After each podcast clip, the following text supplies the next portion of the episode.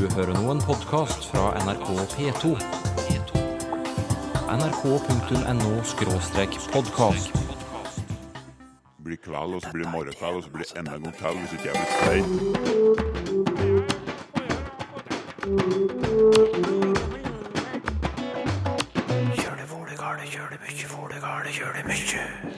Ordbøker er på en måte essensen av kulturelle holdninger. Så hva sier ordboken om ordet ankomme, f.eks.? Han ankom fra Paris. Og i neste setning hun ankom i shorts. Så han er en reisende mann. Hun er et objekt. Hva hun har på seg, betyr noe. Norrøne navn er populære, men kan man hete Heimdal? Han bodde på himmelkvelvingen, og han var gudene sin vaktmann. Hvor gammel er du egentlig, Sylfest Skils år og alder. Ja, hvor gammel er man da? Forstandens år og alder. Men hvor mange år er det?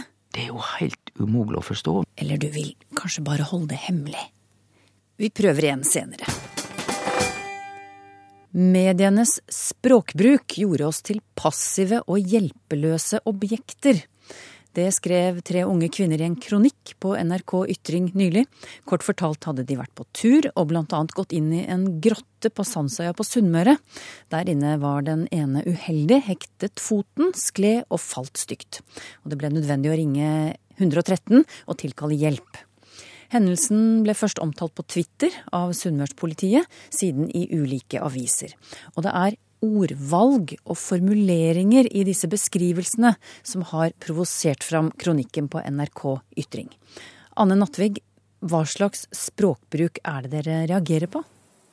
Noe av det vi reagerer på, er at eh, vi konsekvent blir referert til som jenter i politiet sine twittermeldinger. Eh, og også det at eh, det står at vi blir fraktet ned fra fjellet og tatt hånd om. Det har jo noe med hvilket bilde man sender ut til de som leser dette. Det gir en assosiasjon til at vi er ungjenter, altså mindre ansvarlige. At vi ikke kan ta ansvar og håndtere den situasjonen vi har kommet i, snarere enn at vi er erfarne eh, turfolk, klatrere, som var utsatt for et uhell. Politiet på Sunnmøre har bl.a. forklart ordbruken med tidspress.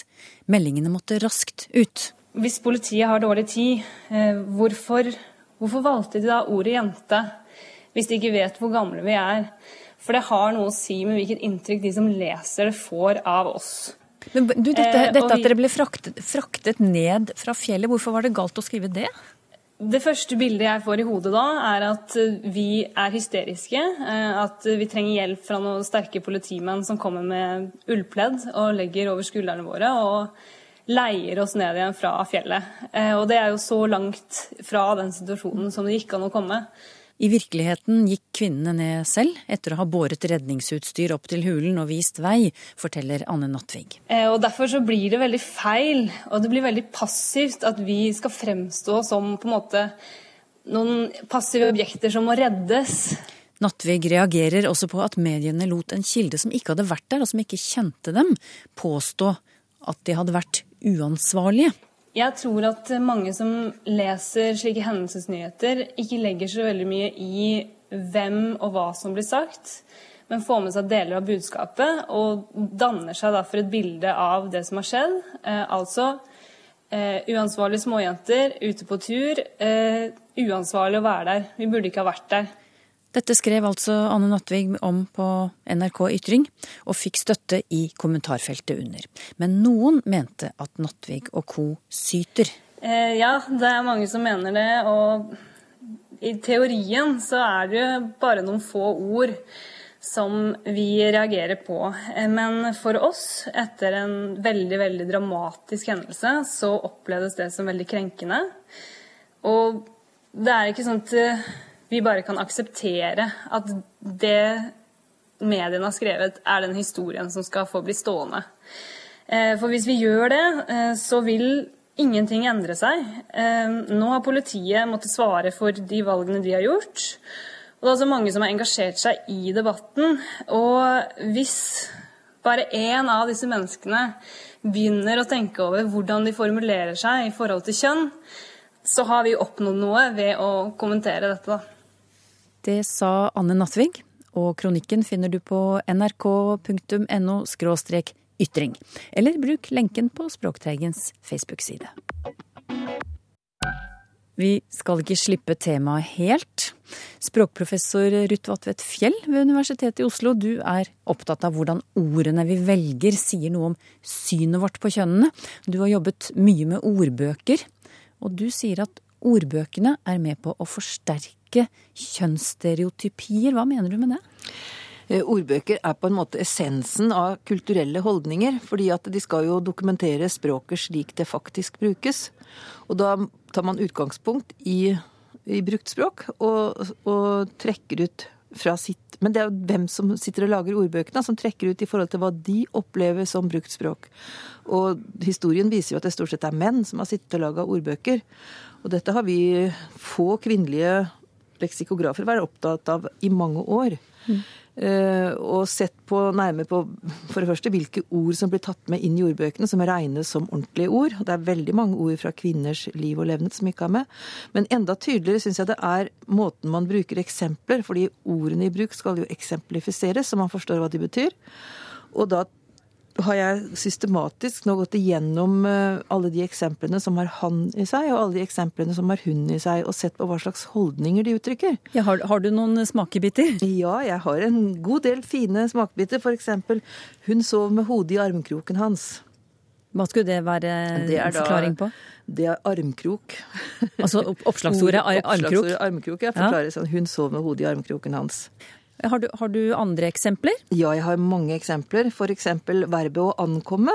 Mm. Der står det 'Han ankom fra Paris'. Og i neste setning 'Hun ankom i shorts'.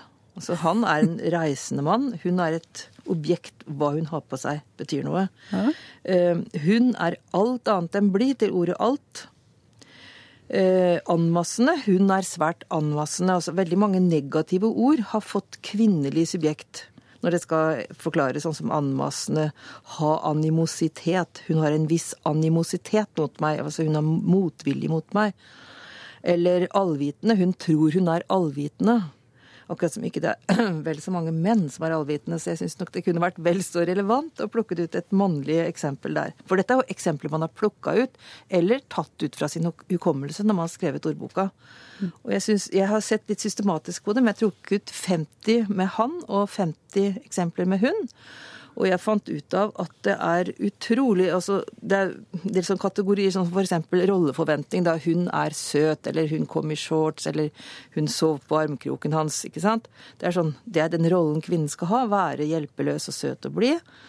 Uh, av dem så var det 16 sånne rolleforventningseksempler på kvinner, og så var det åtte på menn. Eh, og det er jo litt eh, han har stor aksjonsradius, er et sånn typisk eksempel på aksjonsradius. da. Ja. At mannen har det, ja, mannen er aktiv, mens hun er søt og kommer i shorts. da. Mm. Eller hun er over den alderen, for å forklare alder.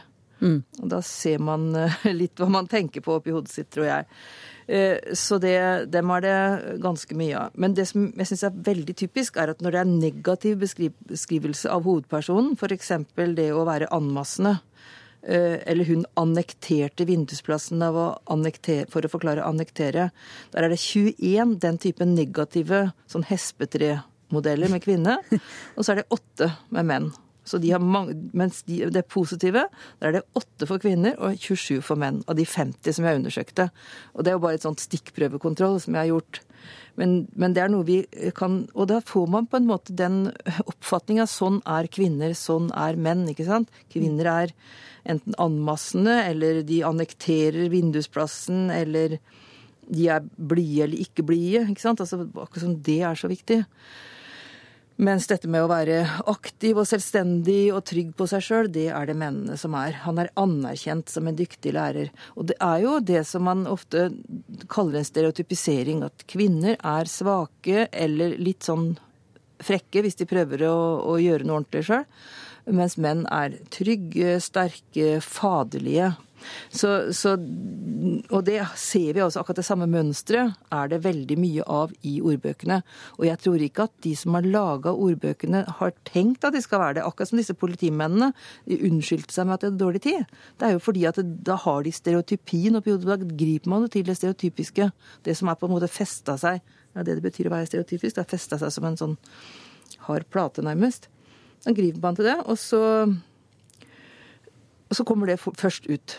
Og, så, og, derfor så viser det egentlig hvordan samfunnet er. Hvordan man tenker kjønn i, i, samfunnet. Hvordan man tenker at menn er trygge, sterke, aktive, høyt verdsatt, mens kvinner er hjelpeløse. Eller de er sexobjekter. ikke sant? Hun er over den alderen. Nå har du jo gitt eksempler på en god del eh, oppslagsord med beskrivelser som er veldig kjønnsstereotype, hvis vi kan mm -hmm. kalle det det. Hvorfor står de slik fremdeles i dag i 2014? Det er nok mye forklart med at det er menn som har redigert ordbøkene og tenkt ut fra sitt uh, verdensbilde. Vi har jobba ganske mye med å rette det opp, og vi holder på fortsatt. Det er ikke kommet ut på nettsidene våre enda, men vi har gjort ganske store endringer i databasen og kommer til å gjøre enda flere. Kanskje særlig nå etter at jeg har sett systematisk på dette med han og hun, og hvor utrolig skeivt er når man går spesielt inn for å se på det. Ja, men Når du sier det skal rette det opp, hva, kan du gi et eksempel på hva slags type retting det kan være? Ja, Da kan man f.eks. Eh, om et ord som en som er analfabet, skal definere det, så kan man si at det som, behersker, som ikke behersker lese- og skrivekunsten, i det samfunnet hun eller han lever i. Da blir det jo å bruke hun eller han. Det var kun 16 eksempler på hun eller han i ordboka. Ja. Nå har jo ikke jeg i hvert fall inntrykk av at folk går rundt med ordbøker og slår opp i ord i tide og utide, så hvilken rolle spiller egentlig definisjonen i ordbøkene for hvordan vi snakker om kvinner og menn? Jeg tror det forsterker stereotypiene som man har bak i hodet, fordi man tross alt har sett det så ofte. Men eh, kan si at folk slår ikke opp i ordboka. Da er jo ordboka ikke, ikke spesielt verdifull i denne sammenhengen, men det stemmer ikke, for vi har mange tusen oppslag hver dag i disse ordbøkene. Og særlig kanskje våre eh, innvandrere og folk som ikke har norsk som morsmål, så vil jo de også få den forståelsen at, altså med forsterkning av, av kjønnsroller. Så jeg tror det er ganske viktig, jeg, ja, da. Sa språkprofessor og leksikograf Ruth Vatvedt Fjell.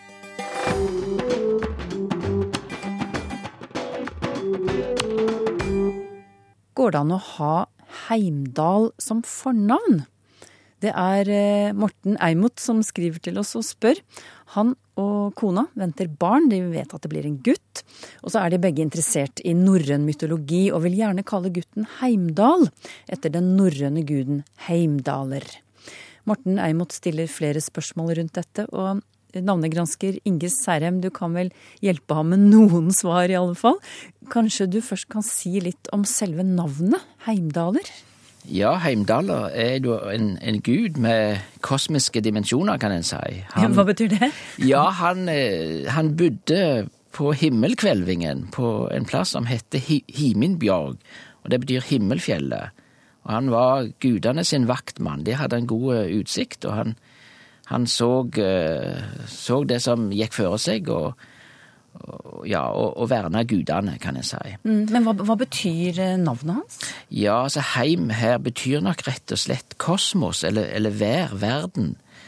Så, så, det er ikke ordet heim i den tydinga som vi bruker det til, til vanlig. Mm. Altså vi kan òg eh, tenke på heimskringle, eller kring, kringle heimsins. Ja. Og, og andre ledd, det betyr Det er ikke ordet dal, så det betyr ikke dal. Men, og, og, det er nokså omstridt hva det, hva det tyder. Antagelig, så, eller kanskje, så betyr det noe som er lysende eller strålende eller blømende. Og, og muligens brukt om, om sola, men det, dette er noe u, uklart. Ja. Så kanskje betyr navnet han som, han som lyser over verden, for eksempel. Ja, Det var ikke så verst. Nei. men du, det var, det var, guden Heimdal, men, men, så er jo Heimdal også et stedsnavn, og det er gårdsnavn. Og har det noe med denne norrøne mytologien å gjøre? En finner Heimdal flere plasser i, i Norge, og Men det ser ikke ut som det er gudenavnet Heimdal som, som ligger til grunn for, for stadnavnet. Nei, hva er det da, da? Og ja, det, det er jo litt spesielt, for en finner jo mange, mange andre gudenavn i, i stadnavn. Både Thor og Odin og Frøy og Njord. Men i Heimdal, som en blant annet kjenner fra Trondheim, så er det rett og slett ordet heim eh, og ordet dal brukt om, om en eller flere daler. Og, og vi finner det også som gardsnavn eh, flere plasser. I Nissedal, eksempel, i Telemark. En finner det i Vågå i Oppland. Herefoss, Birkenes, Namsos. Og da kan det være, kan det være ordet heim som da sikter til at uh, denne dalen ligger nær, nær bygda. Eller i noen tilfeller ser det ut til å være et elvenavn, heim, heima i, i norrønt, som betyr den elva som renner nærest bygda. Det ser vi av eldre skrivemåter, eksempel Heimodale fra ca. 1400. Men Heimdal, eh, det fins jo også som etternavn. Og hvor kommer det fra da? Ja, da kommer det ifra gardsnavnet. Det gjelder de aller fleste plassene. Det, er jo gamle, gamle gardsnavn, dette her. Vi skriv, flere av de har skrivemål fra mellomalderen. Og, og da har en tatt etternavn etter gardsnavnet. Noen av de kan være, kan være yngre da, etter en, etter en yngre gard. Men det er, det er mer enn 1000 som har Heimdal som etternavn her i landet. Ja. Hvor mange er det som har Heimdal som fornavn, da? Vet du det? Nei, men eh, det er veldig få hvis det i det hele er noen, altså. Ja. Så det er Vi kan godt si det ikke er i bruk som førernavn. Ja, dette, dette nevner jo eh, vår lytter Morten Eimot i brevet sitt. Og han lurer på hva det kan komme av at det er, som han skriver da, nesten ingen som har Heimdal som fornavn. For andre navn fra norrøn mytologi er jo i bruk, som Thor og Odin og Brage osv. Ja, Thor er jo svært eh, mye brukt, og det finnes også som førsteledd i sammensette navn. Torbjørn, Torbjørg, for eksempel. Og du nevnte Odin Brage, så er det også sånn som Balder, Trym, Frøya, Njord, Låke. Ja, Idun og Tyra, Frigg. Så det er, det er en god del eh, av, av denne typen navn. Hva tror du det kommer av at ingen heter Heimdal?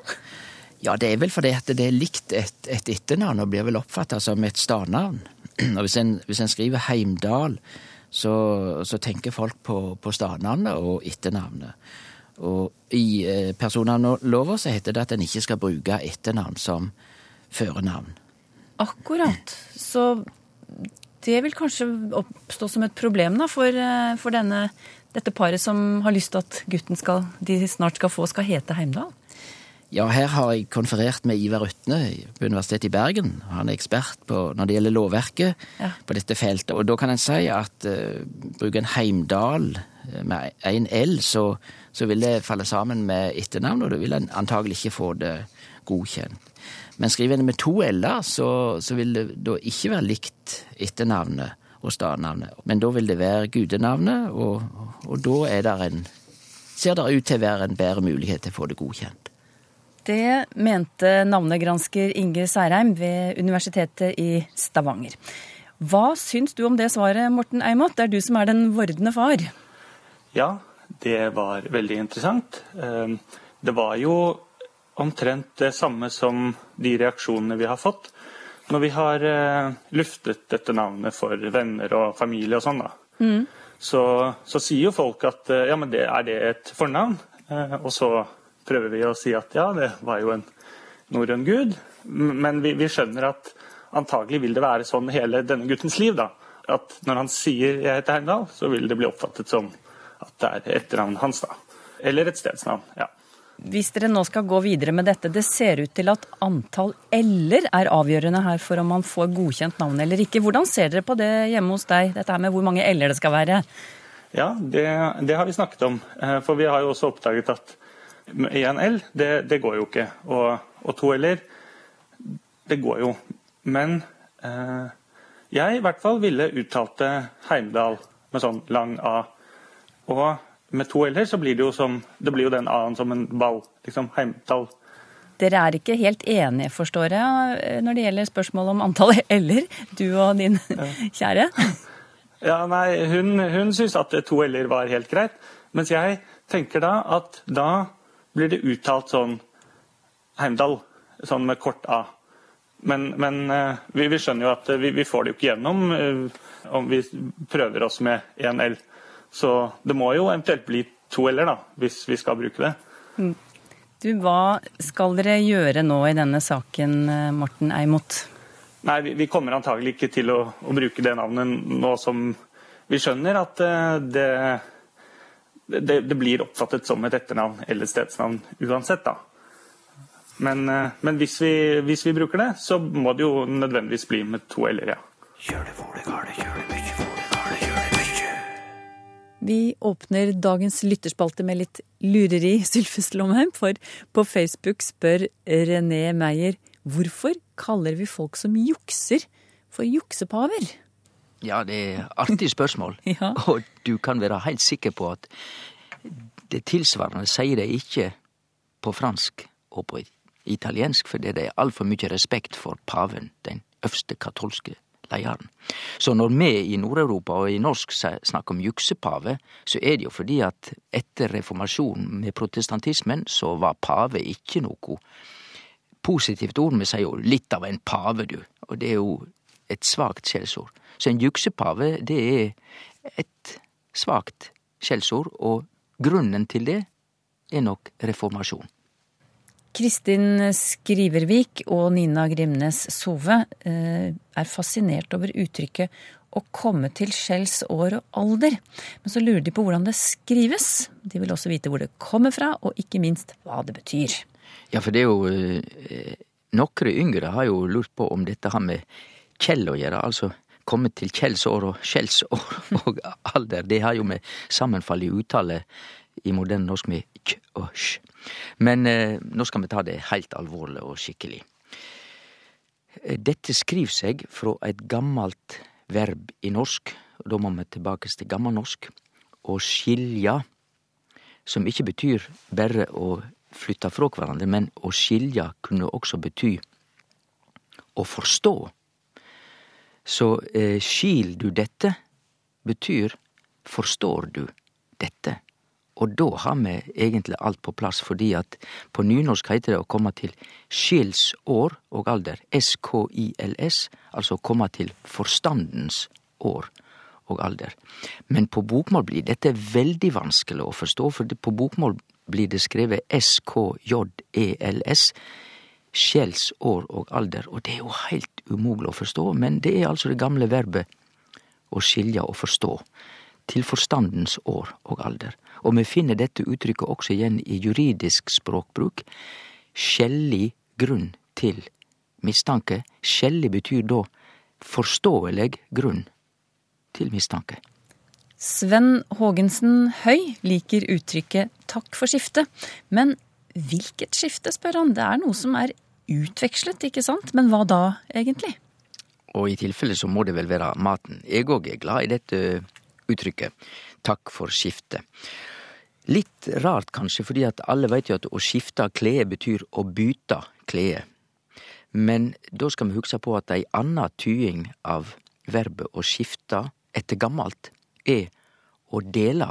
Og vi har det jo stadig vekk når vi snakker om eit skifte ved arv, da er det at arven blir delt.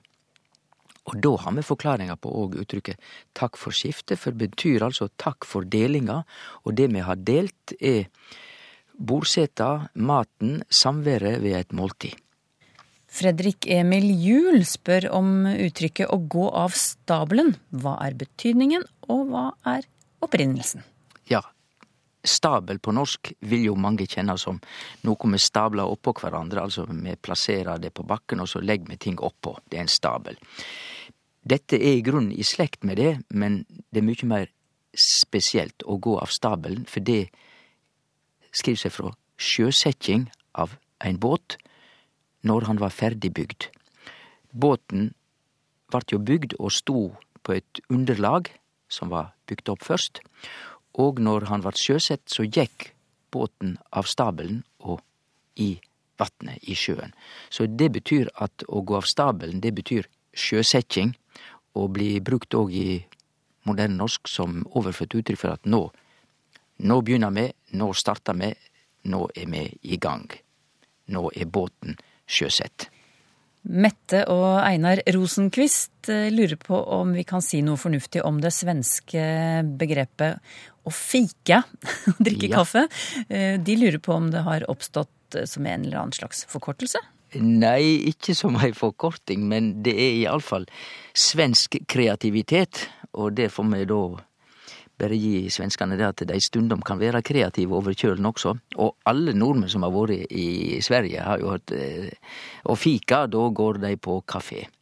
Forklaringa er rett og slett at på et eller annet tidspunkt, og for å være morosam, så i stedet for kafé, så sa de fe-ka. De snudde om på bokstavene. Feka i stedet for kafé, og feka var til fika. Ylva Lindahl trekker fram ordene å tåle noe og toleranse. Jeg ville tro at disse henger sammen, men hvorfor skrives det ene med O og det andre med Å, spør hun. Ylva Lindahl har helt rett i at å tåle, som på bokmålet blir skrevet med å, og toleranse, langt attende faktisk er i slekt. Og vi veit jo at dette har med å, å bære eller å kunne ta eller å tåle. Men skrivemåten er ulik i norsk. På nynorsk er det med o, og o kan jo uttales som å. Og på bokmål er det skrevet med å, og med uttalt som å. Historisk sett er ikke det tvil om at det er skrivemåten med o som egentlig er den rettaste. Even Alexander Solberg han ser fotball på TV av og til, men det hender han reagerer på språkbruken hos kommentatorene. Eh, For eksempel så kaller de gjerne keeperens redninger med bena for benparade. Når jeg hører ordet parade, tenker jeg først og fremst på et opptog, skriver eh, Even Alexander, eller et folkefest av noe slag, ikke en redning. Nei, og, men det henger sammen med at parade på norsk er et mangslunge ord. Eh, men vi får først ta verbet. Det er jo å parere. Og i parentes beinparade i sportsspråket er heilt i orden når det gjelder ei målvakt. Men parere som verb betyr både å beskytte og sperre, men også, og nå kjem det, også det å sette fram noe. Og da kan vi forstå kvifor parade betyr så forskjellige ting som ei oppstilling, straff i skulen, da blir du sett fram, avvæpnande rørsle, du parerer, du setter fram foten, og vi har framvising, ein parade på en plass, da er det òg framvising. Så alt eh, kan forklarast når vi tek utgangspunkt i et felles betydningsområde i verbet parera. Har du spørsmål til Språkteigen? Skriv til Teigen, krøllalfa nrk.no, eller til Språkteigen, NRK P2, 7005, Trondheim. Så finner du oss også på Twitter og på Facebook. Hvorfor har noen språk vanskeligere grammatikk enn andre språk? Det er slik at Hvis et språk får lov til å være i fred, så vil det utvikle det her kompliserte og komplekse grammatikken. Om enkel og komplisert grammatikk. Språkteigen om en uke.